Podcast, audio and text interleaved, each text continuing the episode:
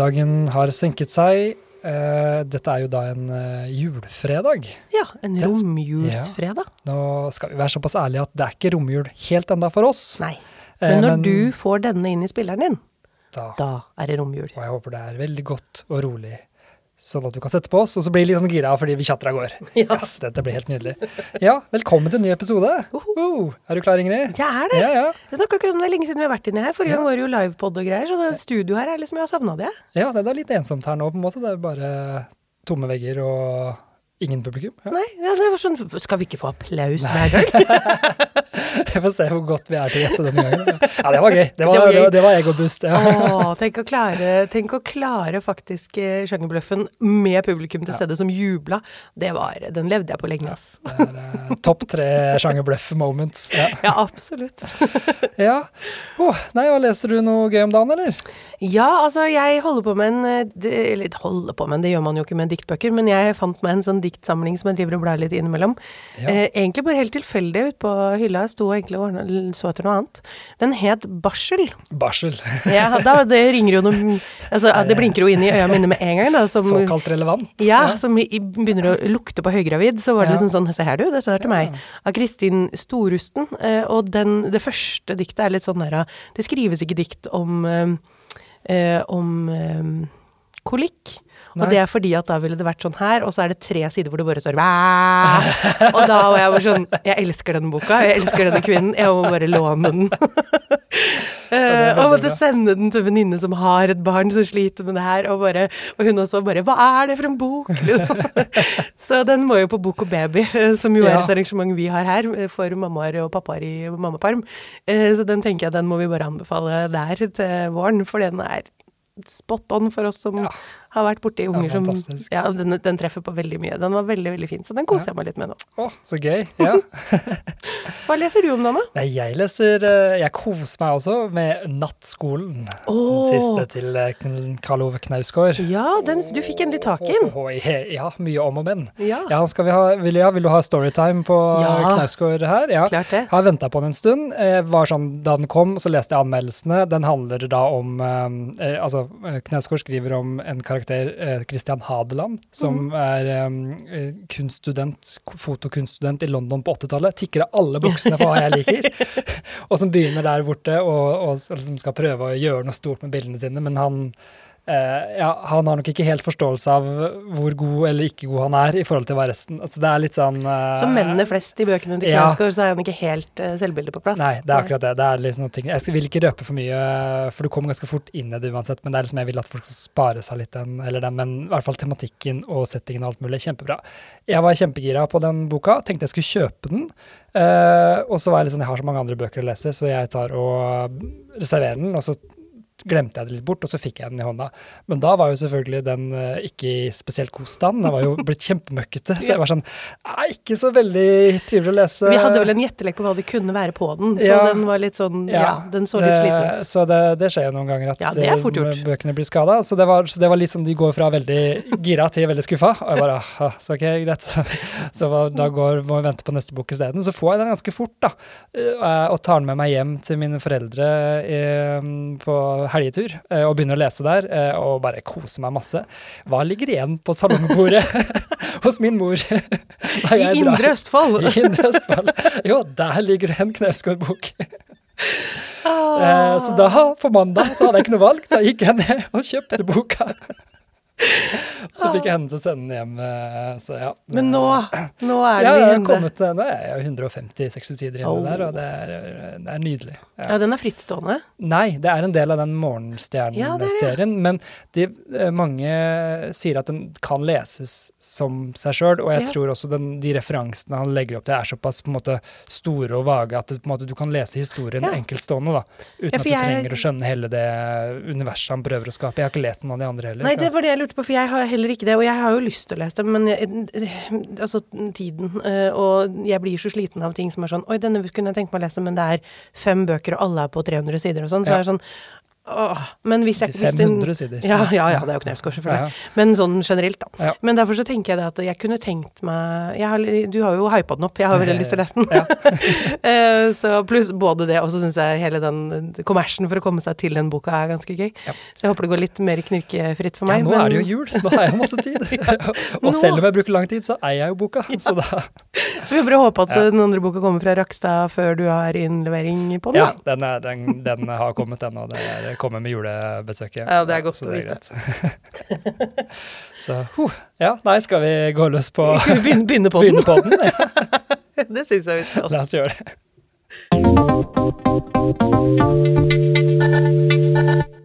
Ja, da er det jo klart for eh, ukas betraktning. Eh, men før vi begynner med ukas betraktning, Ja, så har jeg en liten oppdatering. oppdatering. Ja, Ja. den- Jeg kan kan ikke kalle det ukas oppdatering, for jeg kan ikke love at det er oppdatering hver uke. Men dette er rett og slett en oppdatering på en ting du har tatt opp en betraktning av i episode ja, to. Stemmer. For i episode Ja. KI, kokkekassering og Kalove, Mm. så forteller du om krimforfatteren Jørgen Jæger som skulle på Tour de Jæger. Eh, Husker dette. ja, for de av dere som ikke husker så langt tilbake, eh, eller ikke har sjekket episoden, først og fremst gjør det. Eh, og så, eh, han, altså det er da eh, krimforfatter Jørgen Jæger som skulle da reise rundt til alle bokhandlerne i hele Norge, eh, og signere bøker og besøke alle bokhandlerne, og det er en, godt over 400. Ja, Og det var en, det en ambisiøs uh, greie han hadde Ja. Den fikk en rimelig eh, bråstopp her for noen dager siden. Uh, altså, han begynte 25. september og var i godt driv. Ja. Eh, var på vei mot norgesrekord. Uh, og apropos godt driv, så var han i godt driv på glattisen. Ja, 11. 11. desember så falt han og brakk lårhalsen. det er dumt. Og det er, jeg føler det er vondt at jeg ler, men det er jo Det er vanskelig å ikke Det synes det er litt humor også. Ja. Uh, og det, altså, det går bra med han, altså. Og han er, Ja, han er på beina igjen, Ja, han. og, og jeg, du, du nevnte det så vidt for meg Ja. tidligere, jeg, jeg er ikke noen god skuespiller skuespillerteater, liksom, men det er den derre amputeringen av et så stort prosjekt som liksom blir sånn Åh, nei, det er, eh, nei, det er, det er leit. Ja. Så han, eh, han skal ta opp eh, tråden igjen. eh, det vil si, han skal fortsette der han Altså de, de planlagte tinga på nyåret når han er frisk, de skal han Ja. ta. Men de som, er, som var planlagt mens han lå for nede for telling, Ja. de forsvinner jo. Sånn at planen er, kommer til å fortsette, men han vil ikke nå over alle. Og det syns jeg er veldig tråkig, for det her syns jeg var et kult prosjekt. Veldig kult prosjekt. Men siden vi har snakka om det, så- og det nå kom en oppdatering, Ja. så tenker jeg at eh, det er eh, det må, det må oppdateres. Ja. Ja, nei, eh, God bedring, hva- tenker Ja, god bedring. Ja, ukas betraktning eh, her hos meg, det er eh, at Eller hva skal man si? Jeg har vært på Bok 365 og lest litt, som Ja. man ofte gjør. Ja ja, der er det mye Eh, spennende. Og vi har jo bok og kaffe Ja. her på biblioteket. Mens forfatter Ingvild Risøy, hun Ja. har bok og gran. Bok og gran. Jepp. Kom og kjøp bok og, og juletre i samme pakke. Nei, så gøy. Det er et veldig gøy konsept de har hatt i Sverige. Eh, For hun har jo skrevet denne Stargate, en julefortelling, Ja. som har jo solgt i bøtter og spann, eh, kjempepopulær. Vi har jo ni eksemplarer inne, det er kanskje to ledige akkurat nå. ja. Den er nydelig litt Den er, ja, jeg har ikke lest den sjøl, men jeg har den på, på radaren der borte. Så Mm. de kjørte litt lite sånn stunt i Sverige, for hun har en familie som driver med juletreproduksjon. Hun har jo vært Ah. juletreselger sjøl. Oh, ja. Eh, det er også noe av tematikken i denne boka. Eh, så da gikk hun ut og bare sånn Yes, kom og kjøp bok og juletre samtidig. Så sitter hun og signerer, og eh, god stemning der ute, altså. Ja, var, det eh, er kult. så jeg tenkte det kan vi kanskje utvide som, eh, som prosjekt her også. Bok, hva kan man kombinere med bok? Jeg tror du kan kombinere det meste. Ja, ja, altså, vi liker jo veldig godt Bok og-tittelen her Ja, på ja, ja. hos oss, så det, dette, dette er jo helt oppi vår Bok og gran, eller gran og bok var det vel de kalte det da. Ja, men, ja. eh, Hos oss hadde det blitt Bok og gran. Bok og gran, Ja. ja. Så eh, betraktning vet jeg ikke om det er, men det er i hvert fall en, opp, eller en observasjon. Eller Ja, en, uh, betraktning, det funker. Ja, Ja, vi, vi utvider begrepet betraktning her, det syns jeg er fair. betraktelig. Ja. det er joke. Uh, vi, jeg har uh, en eh, Jeg har gjort meg noen tanker rundt det her med bøker som har blitt til julefilm. Ja. For nå har vi jo, er vi jo i romjula, eh, og det har jo vært en eh, lang desember. eh, Og det er mange som meg som liker julefilmer, filmer med juletema. Um, og da oppdaga jeg at det er, det er to julefilmer som egentlig er bøker, som jeg ikke visste at var bøker. Aldri hørt Oi. om. Og det syns jeg er veldig kult. Ja. Så det tenkte jeg skulle dele. Ja, jeg, jeg vil gjerne vite det. Ja. Det ene er, sjokkerende nok, Die Hard. Ja, men dette visste jeg. Visste du at det Ja, var en bok? Visste Jeg visste ikke at det var en nei, bok. Nei, nei, ja, det, altså, nå, nå skal vi jo, Jeg gidder ikke gå inn i den kontroversen. Er Die Hard eh, julefilm eller ikke? Den er Ja, satt det er julefilm, ja. Det er ja. julefilm. Dette er min favorittjulefilm. Ja, nemlig. Og den er satt til jula, og det er julepynter og sånn, så det, den, den, den legger vi død. Men Det er en annen podkast. det er jo da, for de av dere som er like uinnvidde som meg, Mm. så kommer det da Det er boka 'Nothing Lasts Forever' av Roderick Thorpe. Mm. Og det er rett og slett en oppfølger av boka 'The Detective' i tillegg. Eh, så Ja, det er det en, det det er bok to. ble til Die Hard. Eh, og um, her er det jo da Altså, det er veldig lite forskjell mellom bok og film, visstnok. Eh, de, hadde- de kjente hverandre, eller altså ja, de to um, terroristen og han som heter da John McClain i filmen. Mm. De kjente hverandre fra før. Eh, gamle kjente fra um, andre verdenskrig, flykamp i andre verdenskrig, Ja. i boka. Ja. Men i filmen så er det jo Da er det separerte Ja, Hans separert. Gruber. Hans Gruber og John McLean. Da møtes de for første og siste gang da i Nakatomi Ja. Plaza. En Oi, spoiler alert. alert. Den er fra 1988, vet du, så jeg føler jeg får lov. Ja, når det er kommet fire andre filmer i Mm. bakhånd der, så skal det gå greit. Ja. Og den andre, den tror jeg egentlig jeg har hørt en gang, men så har jeg bare øh, glemt det. Og det er øh, den, den episke julefilmen øh, Polarekspressen, som kom i 2004. Ja. um... Det er en av mine favorittjulefilmer, da. ja. Det er jo Er ikke den som er Det er med Tom Hanks, Ja. eh, som, med sånn datagenerert Ja. Ja, det er jo den, den får jo litt kritikk for å være litt creepy, for den, den ser jo litt kan ja, si, de er litt, Ja. Det er litt tidlig å dataanimere på den måten. Early adapters Ja. ja. av det, ja, ja. Eh, men Men, eh, det er, ja, Tom Hanks spiller eh, seks roller, faktisk. Eh, Quiz-spørsmål, det er derfor jeg vet det. Jeg har fått det spørsmålet før. Men eh, det var Det er en, rett og slett en barnebok som det starta med, og den fikk eh, Den er skrevet i 1985. Ja. Så ble det jo ikke film før i 2004, da. Så den var, men i USA så har den liksom vært en populær barnebok ja. lenge. Men ingen her kjente til den, eh, så vidt jeg veit. Nei, Eh, før filmen kom. bok. Eller, men, men jeg kan Det gir mening. Ja, det, ja. ja den, er, den har veldig litterær kvalitet, Ja. eh, den filmen. Jeg tror det er også derfor den er så vellykka. Ja. Eh, det har jeg jo snakket om før, at jeg mener at liksom, eh, bøker gir gode filmer fordi at manus er liksom gitt. Så hvis du skal lage film, så lag av de gode bøkene. Ja, ikke sant?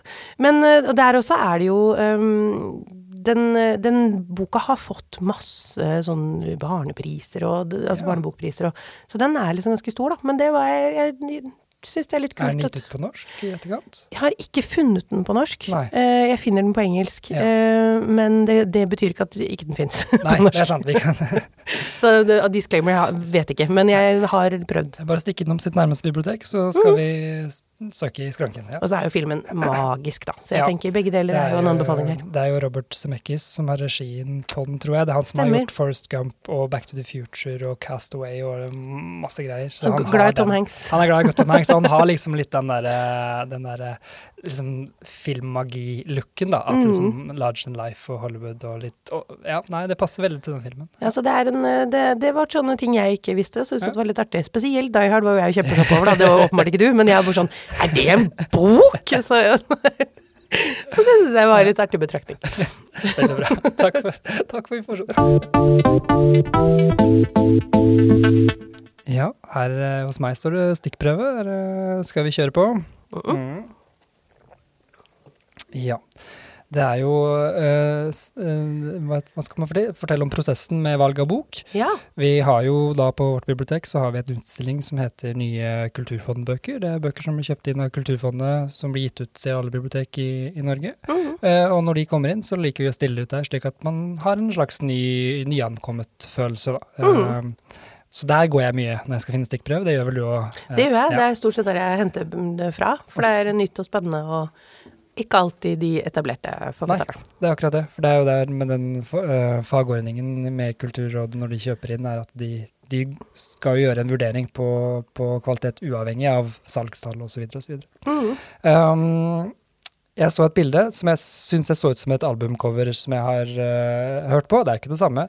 Uh, og så hadde jeg sett at det, vært, det var noen som hadde uh, lovprisen i NRK.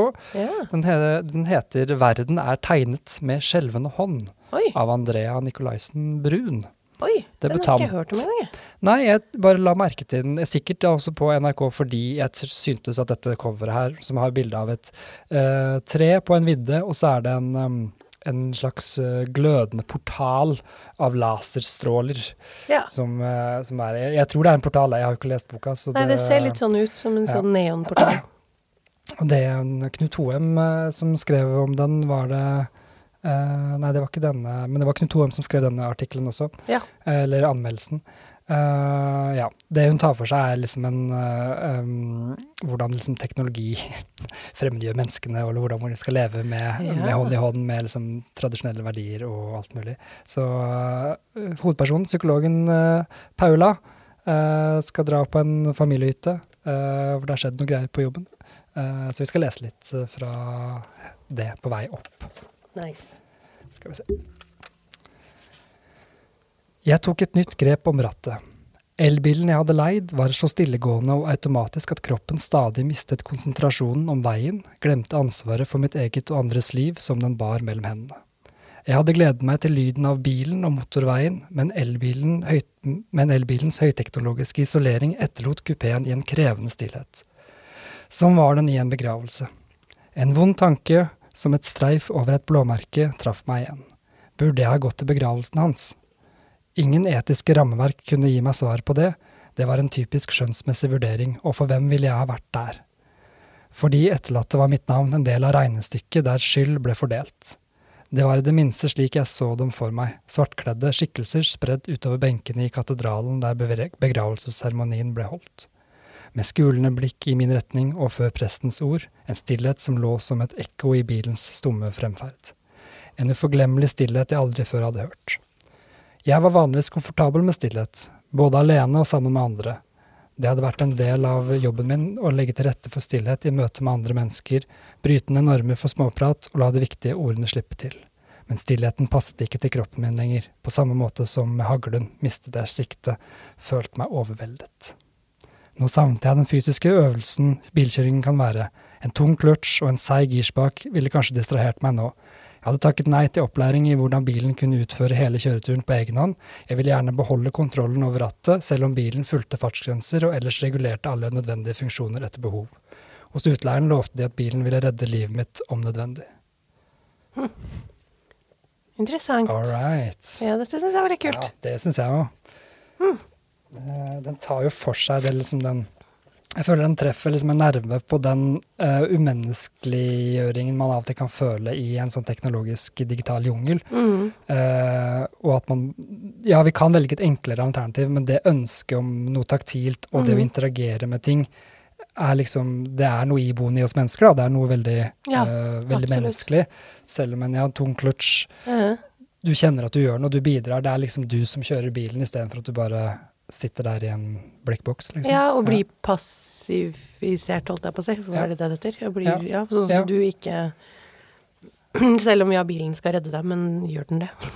Nei, det vet vi jo ikke. Ja. Jeg leser resten av boka, holdt jeg på å si. Men tror eh, jeg- ja, nei, jeg, sy- jeg jeg syns også det der er interessant, nettopp det at liksom Ja, det er mye vi kan gjøre enklere med eh, teknologi, men bør vi det?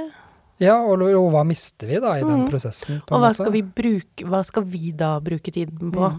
Fordi at da blir det jo til at det, det blir jo ikke til at vi gjør noe annet produktivt. Nei. Det blir bare til at vi gjør mer av det som er Som scroller og spiller Candy Crush, liksom. Ja. Eh, og det er ikke det menneskeheten trenger for å drives videre. Nei. Det er et par, par, par, par andre ting vi kanskje kan uh, bruke litt tid på å tenke på, ja. ja, jeg, jeg, kanskje. ja kanskje. Nei, men den var fin. Den, eh, ja, jeg, liker tonen i denne boka, i hvert fall ut fra det stikkprøvet. Den, eh, den skal nok leses, ja. Ja, den virker veldig Mm. interessant. Absolutt. Da er det tid for sjangerbløff. Sjangerbløffe. Ho, ho. Nå har jeg klart å Egen jingle til dette her, føler jeg. notere i en farge som gjør at jeg må bare ta papiret litt Å Oh, ja. Jeg skulle liksom markere det ut før jeg skulle se det godt. Endte opp med ikke å se det så godt allikevel, men det ble litt mørkt der. ja, det er litt mørkt i studio. Det, sånn er det. Så, så derfor så hvis dere hører litt blafring, så er det bare notatene mine, for at jeg måtte ha litt, jeg må ha litt hjelp når jeg skal formulere meg på en måte som jeg skal Jeg skal prøve å lure Torbjørn, da, så da må, Ja. jeg, må jeg ha manus. Er du klar? Jeg er klar. Ja. Ok. Forfatteren benytter seg av en kritisk tone, og hennes beskrivelser gir rom for refleksjon over konsekvensene av å manipulere tro og makt for å opprettholde et strengt patriarkalsk regime. Gjennom historien avdekker forfatteren ikke bare grusomhetene i landet, men utforsker også individets mulighet for, eh, for kamp for identitet og frihet. Oh, Kjør. Nå, ja, nå er du god. oi, oi, oi. Ja. Er det bløff? Er det dobbeltbløff? Hva er det vi driver med her? Er det baksiden av boka? det er svært og gøy. Jeg først, helt i starten, så fikk jeg liksom en liten assosiasjon til den um, 11 er det den heter, til Maren Uthaug. Den som handler om uh, Ja, at uh, et, et, et samfunn nesten bare bestående av, uh, av kvinner. Det er bare 11 menn igjen. Ja, stemmer. Um, men det stemte ikke helt med, med resten der. Uh, patriarkalske. Hvilken sjanger tenker du? Hvor- hvilken ja, jeg, side av- Jeg har begynt å bli sånn der Jeg skal klare boka. ja. Jo, jo, men altså, Ja. det, det Jeg skal tror du få kanskje jeg må til. stille noen uh, spørsmål. Gjør det. Uh, skal vi se Er det um, Er boka oversatt til norsk? Ja. Og er, ja, Jeg tipper jeg hmm, ja, det, det, er, det, er, det er veldig vanskelig, faktisk. Jeg skal uh, gjøre det kort prosess. Jeg skal tippe at det er uh, en uh, fagbok, en sakprosabok, og usynlige kvinner. Oh, yes! Jeg klarte å lure deg. Det er ikke sakprosa. Nei, det er bra. Det er rett og slett Ah. Margaret Atwood. Ja. Tjen- Tjenerinnens beretning. Ja, eller altså Handmaid's Tale. Mm, så da var jeg nærmere med eh, 11 Ja, Det var det Ja. så du som strøk liksom og tenkte Ja. ja, nå er du på sporet av noe. Ja. Ja. Det er ja. viktig å gå for magefølelsen, Ja, altså. det er det. Det viser seg gang på gang. Overtenking eh, er ja, fienden til alt. ja, det var deilig. Ja, jeg, så, jeg var ikke sånn kjempefornøyd, for at jeg syns det er så tydelig at det er en roman. Og så tenkte jeg, men det kan hende at det lurer deg nok. Ja, det var det jeg tenkte, Ja. at du drev og spilte et lite spill her nå. Den, Ja, fordi at jeg- jeg, jeg- lot meg lure. Ja. Rett og slett, Det er jo blitt en floskel som folk er lei av nå, men jeg har fått litt hjelp av ChatGPT, nemlig. Oh, ja. For jeg var litt sånn. Kan du være så snill å prøve å beskrive uh, tjenesterinnens beretninger som en fa eh, faktabok? Det klarte den ikke. Eh, men jeg fikk noen fraser her og der som jeg lurer at jeg klarte å liksom flette sammen selv. Da. Men da var jeg litt sånn, men det høres jo fortsatt ut som en roman. Jeg har bare tatt bort alt innhold. Så jeg, åh, jeg, altså jeg sa det jo til deg, jeg er ikke så fornøyd med sjangerbløffen i dag, jeg, for at jeg får det liksom ikke til å funke. Men det funka. Overtenking Er det- ja. gjelder begge veier, ja. Ah, Men ja, nei, det var gøy. Veldig bra. ja. Ta, takk til deg, og takk til ChatGPT. Innimellom må det være lov å jukse litt, tenker jeg. Ja, nei, men fra en eh, datamaskin som eh, gjør noe greier som mennesker har gjort, til en annen greie som datamaskinen gjør bedre enn mennesker. Ja. Sjakk! ja, Det er topp tre! det er topp tre. Og det er romjulssjakken pågår uh, ikke as we speak, men as you listen. Ja. Uh, holder de på med lyn og hurtig uh, verdensmesterskap i Us- Usbekistan. Eh, og det er veldig stor juletradisjon for meg å se på jule, romjulssaken. Ja, Og det skal gjerne stå på i bakgrunnen. det Skal skal ja, Torstein det er Bae. Deilig sakte-TV, deilig sekundærmedie som står der og bare Ja, Pila! Ja, ja. Så Pila har nå da gått inn på topp tre eh, trekkforslag her på bøker, eh, sjakkbøker som man bør eh, vurdere å lese, Ja. jeg, hvis man er interessert eller nysgjerrig. Ja. Så det var rett og slett premisset her. På tredjeplass så bør man jo Man bør få inn én sjakklærebok. ja. Eh, men det er vanskelig å lese i bøker, ja. fordi de har jo notasjoner. Det er samme som å lese noter. eh, Eller sånn sånn eller strikkeoppskrifter. strikkeoppskrifter, Ja. absolutt. Eh, Det er et eget språk. Stenografi. Ja, det er et Det eget er, språk. det er et eget språk. Så du For meg er det liksom- hieroglyfer, så ja. Og for meg også er det litt sånn jeg, Man lærer mye sjakk av å se på videoer og, og se på trekkene liksom, og prøve seg fram og alt mulig. Men eh, hvis det er én bok som er veldig nyttig, som man bør plukke opp, så er den som heter 100 Endgames You Must Know av Ja. Jesus de Villa. Ja. Den, eh, rett og slett fordi den er såpass konkret at eh, i sluttspillet, som er siste del av eh, sjakkspillet, så er det veldig mange gjentagende motiver.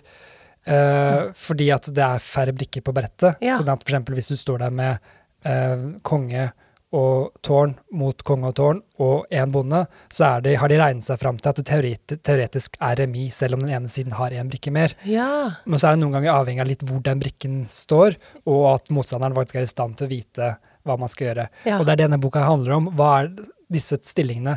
Skal man, man vite er det vits å spille, eller er det vits å gå for remis, eller skal man liksom bare prøve å trikse? Og når du kommer til sluttspillet, har du gjerne dårlig tid. Ja. Det er gjerne der du vil ha teorien. Ja. Så kan du være kreativ liksom, i starten og alt mulig, men når du kommer til siste og du har ett minutt igjen på klokka, og du kan se på stillingen at dette her er teoretisk vunnet, Ja.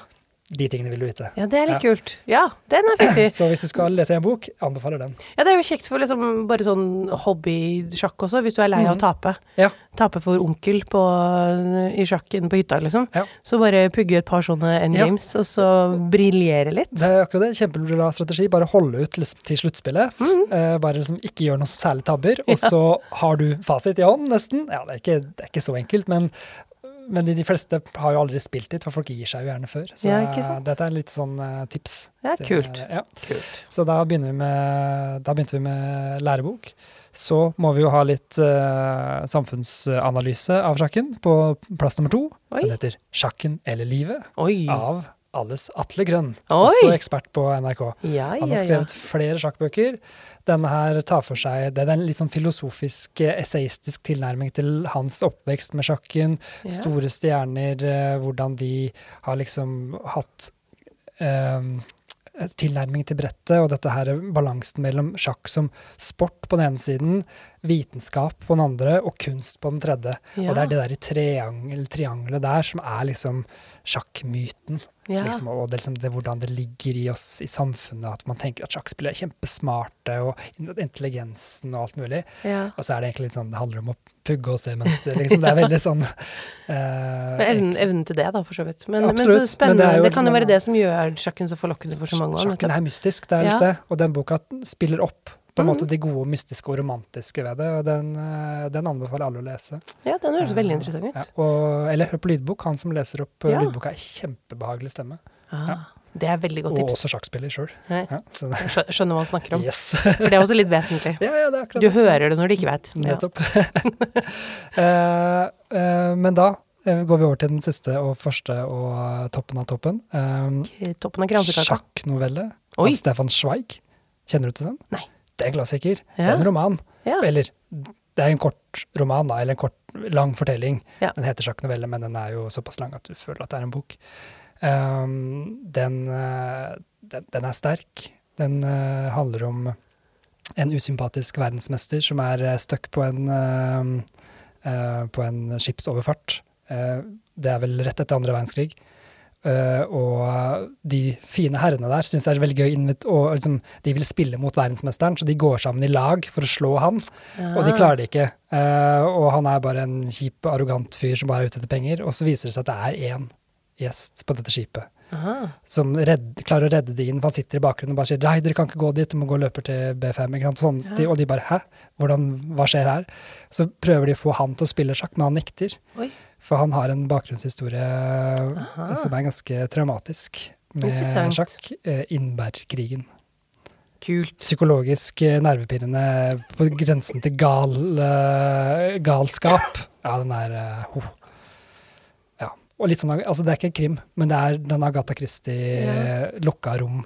Ja, På litt en sånn thrillerfølelse på det her. Du får en veldig sånn driv og spenning. Den, eh, ja, den den er kjempe, kjempegod. Så, og den er kort, så det er bare å lese. Kult. Det er gode, det her er bøker jeg ikke visste om i det hele tatt, så den siste høres jo veldig ut opp Den, min gate. eh, Ja, den, eh, den bør alle plukke opp. Ja, Ja. takk for veldig gode tips, og jeg håper folk kunne nyte både sjakken og da disse bøkene. Det håper jeg òg. Bra, bra, bra liste. Ukas anbefaling Ja, er klar. nå er jeg spent. Ja. Uh, det jeg tenkte jeg ville anbefale i dag, er eh, en måte et konsept Oi. fordelt på to konkrete tips. Oi. Ja. Nå er jeg spent. Og konseptet er eh, å gjøre, gjøre litt research og gå litt i dybden på ting man tar for gitt. Ja. Eh, og eksempelet på dette her eh, denne gangen er eh, Amazon.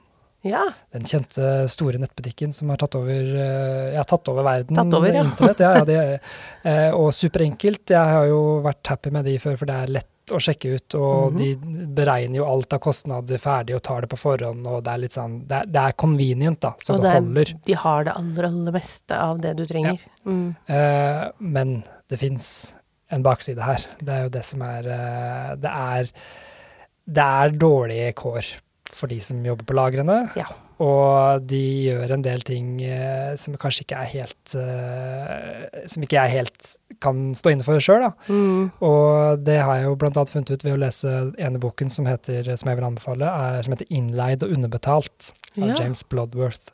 Eh, det er en sakprosabok som kom i, i 2018-2019, var det. Ja. Eh, han eh, går da undercover i lavtlønnede yrker Mm. eh, og i Storbritannia eh, for å liksom rapportere fra innsiden. Og blant annet jobber han på et lager for Amazon Ja. og, kan liksom, og forteller om Altså, de får jo ikke, de får ikke dopauser, så de ansatte tisser i flasker som de setter fra Mm. seg rundt der. De må jo ha såpass mange De må plukke så og så mye med så og så stor hastighet. Og hvis du ikke gjør det, så sitter det en, sånn, en, en mellomleder som, som får beskjed på skjermen sin at denne her har sakka ned tempo, og så sender du sånn push-melding rett på iPaden som det står, opp, står som at du må få opp farta, liksom. Det. Og det er null 0 kontrakter og Det høres ut som en, en sånn moderne Dickens-roman. Det er, Det er helt sjukt. Det er akkurat det. Og, det er, det og, de, og lunsjpausene er, eh, er jo liksom de, Det er ikke nok varmmat til alle, og de jobber midt på natta, og det er litt sånn Du må liksom hive deg rundt, og så blir du sjekka av metalldetektor på vei ut, så ikke du skal lure Altså, det er litt sånn Det er sinnssykt sånn overvåkningskultur. Sjefen der Eh, ser også ut som Lex Luther, så det Ja. kan jo ha noe med det å gjøre. det, ja, det er akkurat det også, men de har liksom sånn derre um, Be happy og Eller de har liksom en sånn derre make fun og make history, som jeg husker ikke helt slagordet deres. Ja, det er liksom. noe sånt noe. Så det er det som, den derre på en måte fasaden og Mm. under fasaden er eh, det å få et litt innblikk da, i hvordan ting er, og hvordan ting du bruker livet ditt, Mm. faktisk henger sammen. Så den andre boka heter 'Amazon bak fasaden'. Den kom i 2023, skrevet av Julia Lindblom Ja. svensk eh, forfatter og journalist. Eh, og den å ta, men hun har litt annen approach. Hun er mer journalistisk, eh, at hun går gjennom både tall og besøker fabrikkene. Hun går også litt opp og, og ser mer på liksom mellom, altså de liksom logistiske tingene og, og bedriften som helhet, og bedriftskulturen, da, mer enn bare én arbeidsplass, én Ja. arbeidsoppgave helt nederst. Så de to liksom fungerer jo i, som et godt liksom, vitnesbyrd.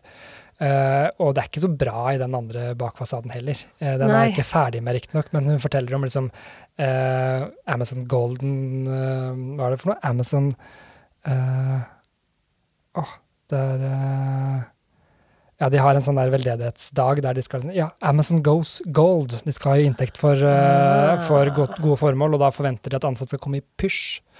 Fordi kreftsaken, blant annet. Ja, liksom. Men du kan ikke ha hvilken som helst pysj. Du skal liksom ha en heldekkende. Det skal ikke være for kort. Nei. Du kan ha en T-skjorte. Hvis det er Supermann på, er det greit. Hvis det er ditt favorittband, så er det ikke greit. Nei, ikke sant. Og det er litt sånne eksempler som, som gjør at du får en liten sånn bismak. Eh, Veldig, ja. Det er jo en veldig veldig spesiell arbeidsplass. Altså, Men det er jo, den er jo stor også, så i flere land, men Ja. altså, spesielt i USA. da. Det er jo vanvittig, De ansetter jo vanvittig mange som ikke har nærmest noe annet valg. Nei. Og det er, jo, det, er jo, det er jo moderne slaveri. Det er problematisk, og det er eh, viktig at noen da rapporterer Mm. for det, på en måte, og at man da kan lese det og, og gjøre, sin egen, gjøre en større, bedre vurdering, da, om man Ja, for det er jo det man ser. Altså, vi som menneskehet er jo Altså, vi er veldig villige til å, å boikotte og rope på barrikadene for sånne enkeltsaker så Mm. lenge det er convenient for oss. Ja. Men sånn som det å ikke bruke Amazon lenger, det er det for mange veldig vanskelig. Eh, og syns at liksom det er Eller ikke vanskelig, men altså det, det, det er ubeleilig. Ja, det er ubeleilig. Eh, og ubeleilig vil vi ikke. Og det ser du jo med, med klimaproblematikken også, at vi vet en del grep vi må gjøre hver og en av oss for at det skal bli bedre, men de vil være litt ubeleilige, og det gidder vi ikke. For vi ser jo som sånn at det å boikotte Man boikotter jo de tinga fra Russland som man syns er greit å boikotte, som man likevel ikke ville kjøpt. Mens ting som man vanligvis ville brukt, nei, det kan vi ikke boikotte. Så det er det er jo det som er problemet. Jeg tenker at Bevisstheten rundt det der, at vi må være litt mer obs på at ved å handle øh, fra Amazon, da, så er vi med på å liksom gi en liten tommel opp eller en stempel of approval, at det her er greit, da. Ja, eller ja, og nå, nå er på en måte Amazon et eksempel Ja, ja. på, på konseptet Ja, her, men det er det jeg mener kanskje bøkene er spesielt godt egnet til, da. Å Mm. kunne dypdykke inn i, i problematiske eh, Absolutt. ting istedenfor de de, liksom, de kjappe meldingene vi får. Mm. Det er vanskeligere å gjøre en, en vurdering, da, med mindre man liksom har lest en førstehåndskilde, Mm. beretning, eller liksom noen som har en journalistisk bakgrunn, som kan gå inn og, og, og si noe objektivt. da. Ja, så er det jo ofte sånn at bøker har jo vært gjennom noen kvalitetsrunder for å sjekke faktainnholdet også. Blant annet. ja. Mens, eh, mens artikler veit man aldri helt hvem som er avsenderen av, og hvor de får infoen sin fra, og det skal gå fort. og um, Så en bok er jo bearbeida fakta på en litt annen måte. Nettopp. Det er litt tryggere, tryggere å vite at du får noe som faktisk er gjennomtenkt. Og så kan man gjøre en vurdering ut fra Mm. det man syns, om det gir mening eller ikke. Ja, ja. Mm. Nei, det syns jeg var en fin anbefaling. Det var til og med to. Ja, ja, det ja, det var jo de to hang sammen, Ja, på en måte. så to for prisen av én. Ja, to for Det prisen av liker. Det høres ut som Amazon. Ja, det gjør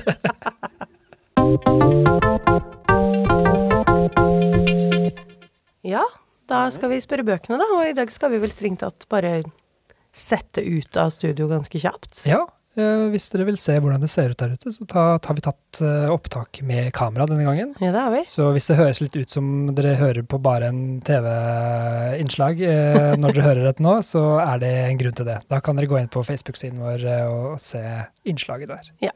Så kjør på. Da er det klart for å spørre bøkene. Da er vi her i dik- dikthylla for å prøve å finne svar. Ja. I dag er det jeg som har spørsmålet. Og det har jo vært eh, julestri for mange. eh, og det er, det er stri hele året for mange. Mye stri. og det jeg lurer på personlig, men jeg vet at jeg snakker for flere, er eh, hvordan kan vi vite at godt nok er godt nok? At man kan senke skuldrene med god samvittighet og tenke at godt nok er godt nok. Ja, Hjelp jeg meg i bøkene! Ja. Jeg tror for man bare slenger ut en del ganger. Ja. ja det er godt nok. å sveve, men Nei, men jeg er aldri enig i det. hvor på skalaen ligger godt nok? Hvordan skal jeg liksom in internt skjønne at liksom godt nok, det er faktisk godt nok? Ja. ja, men det må vi finne ut av. Da skal vi sjekke ut noen bøker. Skal vi Da se skal jeg snu meg. Ok, da begynner vi å peke her. Skal vi se. Sier du stopp når du er klar? Stopp. Nå er jeg spent. Alt er uerstattelig, og ingenting kan fikses. Av Kjersti Velen Haaland. Dette, dette kan bli spennende. Ja, så det, det er greit. Det er godt ikke det er tittelen som skal gi oss svaret, tenker jeg. Da er vi tilbake fra dikthylla, og hva var det vi fikk for noe? Det Kjersti Wøien Haaland har skrevet 'Alt er uerstattelig, og ingenting kan fikses'. Ja, som, Oi, oi, den oi. tittelen der, den er ikke lovende for spørsmålet. 2021. Her er første setning på baksiden her er 'Her er arret, her er såret, her er skattemelding og CV'. Det, det, det, det, jeg syns den ser veldig bra ut. Den er Den gjør gul, det. og det, er liksom, og det er rød og svart tekst, og står litt på skeiva. Det er. Og det er ingenting som er på linje, og det er altså det er helt, Kaoset er nydelig. Flamme forlag, ser det ut som. De, de, har Ja, mye, de har mye bra. de har mye bra, og så har de veldig mange gode um, forsider. Mm. Ja, nei, altså, jeg vil jo prøve å finne ut, da, at uh, Hvordan skal vi kunne med god samvittighet senke skuldrene og tenke at godt nok er godt nok? Det, det tror, jeg har følelsen av at Kjersti eh, har en pekepinn. Ja, jeg tipper at Kjersti er svar. Jeg tipper at det ikke er et svar vi vil ha. det kan godt hende. Men sånn er det. Bøkene bestemmer. Ja. Ok, vi okay. prøver. Stopp. Og stopp. Yes, side 47. Eh, en stor side, tre setninger, så da blir det det. Ja. Ok, spørsmålet var Eh, hvordan skal vi kunne med god samvittighet senke skuldrene og tenke at godt nok er godt nok? statistisk sett er mange barn avla etter en falsk orgasme. Hva I alle dager! Nei, da ble det mørkt. Eller liksom Ja, ja, det er godt nok Men falsk Er det det? Sånn, sånn, ja, ja, skal du ha barn? Ja, det er godt nok. Nei, det er jo, dette er ikke et uh... Nei, dette er ikke altså, nå, må vi, nå må vi grave. Hvis vi tenker at barnet er liksom ideen om å, å få det godt nok, uh, og at det da er egentlig Den, den er avla på falske premisser, altså vil vi aldri klare å nå godt nok er godt nok. Vi skal fortsette å streve. Det er sånn jeg tolker det. Ja. Eller at eh, men, men på den annen side så er jo det at ja, altså da livets opprinnelse er ikke nødvendigvis heller avhengig av at det er perfekt. Nei, det er jo sant. På en måte at det liksom Det å vite at det er godt nok Altså hvis det realiseres, hvis det kan manifesteres, eller liksom hvis det, hvis det blir eksisterende i verden, da Den- er det godt nok, da. Den tolkningen likte jeg jo bedre. Men det jo, Ja. det, du, vi har jo belegg for den. Jeg syns det er det som sier at eh, selv liksom ved oppstart så er det kanskje ikke perfeksjon. Eh, så hvorfor skal vi forvente at det skal være det resten av tida? Ja, det, det er akkurat det. Og så er det dette med statistisk sett, som betyr jo at noe er veldig bra, og noe er veldig dårlig. Mm. Men når du drar inn statistikk, så er det jo gjerne Det blir jo gjerne sånn sentrert i midten ofte på ting. Og det er jo kanskje det som er godt nok, da. At det er liksom at hvis du eh, Ja, nei, ja, ok, den var kanskje litt eh, tynnere, men jeg, føler at det er noe der, da. Ja, jeg, ja, men altså, jeg, jeg føler at man kan jo egentlig strengt tatt tørke det her i begge retninger. Men jeg likte din bedre, for da er det litt mer håp. men Så, eh, de, Ja, når, når du veit om det er godt nok eller ikke, det, ja, det er det. Nei, det kanskje er det. tidspunktet er eh, Ja, for det er vel det at man må liksom kanskje bare innse at Man bør i hvert fall ikke jobbe seg i hjel da. Mm. For det, det, blir, det blir, blir noe ara likevel. Ja, det, det, det vil gi mening. Ja, det er kanskje ikke det mest uh, klare svaret jeg har fått, men jeg tenker at det er godt nok. Ja, ja, det, det er godt nok.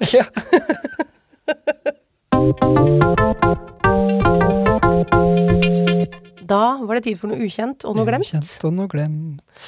Da er det ukjent fra deg og glemt Ja. fra meg. Ja. Er du klar? Ja. Eh, det kan også hende at jeg har juksa litt her. Oh. Eh, fordi jeg, har, jeg lurte på om jeg skulle på å slenge inn en bobler.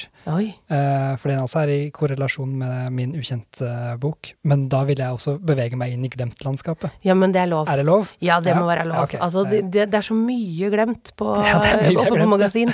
Så vi, altså, vi må holde på med podkasten her til vi blir 350 år, hvis vi skal greie den den overalt. Det er omtrent pensjonsalder da, nå. Ja, for oss er det det, vet du. Høy satire. Satire.